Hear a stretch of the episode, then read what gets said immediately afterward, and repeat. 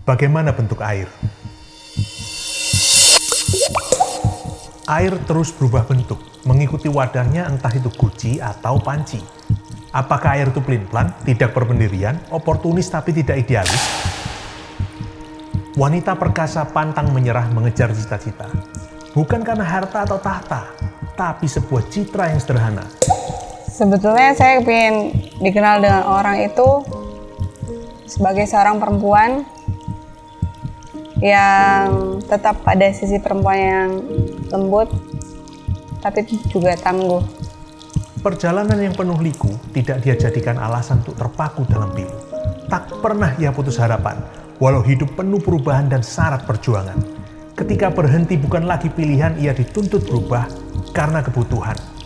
Dulu bermusik mulai dari SMP, kemudian sampai pada akhirnya ambil jalur musik underground sampai tahun 2011 kemudian berhenti bermusik dan mulai berwirausaha.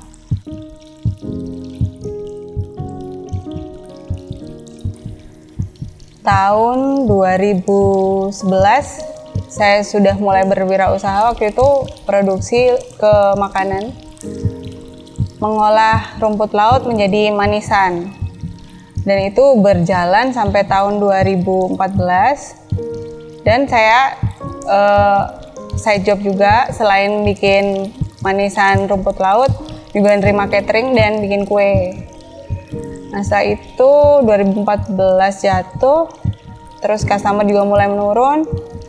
Saya mulai nyoba bisnis di bikin booth membuat sosis solo jadi dari sosis Solo itu tadi cuma berjalan satu tahun aja dan itu juga naik turun. 2014 saya berada di titik terendah dalam hidup saya sampai pada akhirnya saya bertemu dengan teman saya SMA waktu itu. Temu sama teman saya SMA, kebetulan dia beternak bebek. Nah akhirnya saya jualan telur bebek di pasar.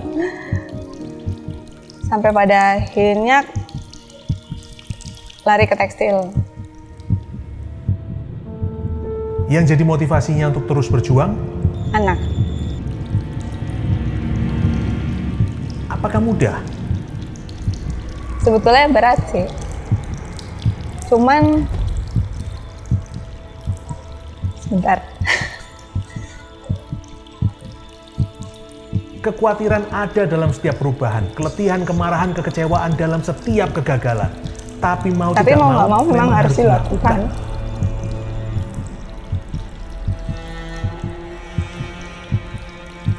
Dari kecil Levi yang berasal dari keluarga sederhana dididik orang tuanya bahwa konsistensi, semangat dan tetap terus berjuang itu bakalan membuahkan hasil yang maksimal seperti itu. Perjuangan Levi mulai membuahkan hasil. Laksmi Indonesia, usaha fashion ramah lingkungan dan sadar sosial. Jangkauannya seluruh Indonesia, bahkan hingga sampai Jerman, Slovakia, Rusia, California, dan Inggris awalnya lahir hanya dari sebuah angan-angan yang polos. Gimana caranya saya bikin karya yang bisa dijual tanpa merusak alam? Tapi dia tidak berhenti di sana saja. Tahun 2018, dikala Levi berada di sebuah titik jenuh, tuntutan untuk menumbuhkan perusahaan membawa Levi ke dalam suatu rutinitas yang cukup melelahkan. Jadi dua minggu saya di luar kota untuk berjualan, dua minggu di pulang ke Malang untuk produksi dan itu berjalan kurang lebih sekitar tiga tahun. Apa yang dia lakukan? Studio ini didirikan bukan hanya sebagai sebuah tempat untuk berkarya, bukan juga hanya sebuah tempat di mana wisatawan dapat belajar karya seni Indonesia.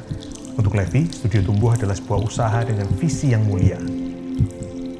Harapan saya sih dari Studio Tumbuh yang kecil ini bisa berguna untuk teman-teman perempuan yang lain Visi ini hadir untuk melawan sebuah miskonsepsi bahwa perempuan itu harus di rumah saja. Padahal perempuan itu bisa untuk berkarya, tanpa, tanpa harus berkungkung.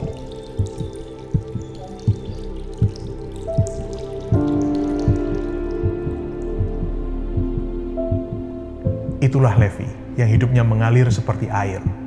Air yang tidak oportunis, tidak juga idealis yang naif, tapi air yang realistis dan sangat adaptif. Keberhasilan dalam hidup ditentukan oleh kegigihan kita dalam menyesuaikan diri. bandel seperti air, menguap saat panas, membeku saat dingin, lembut saat mengalir tapi hantamannya dapat robohkan beringin.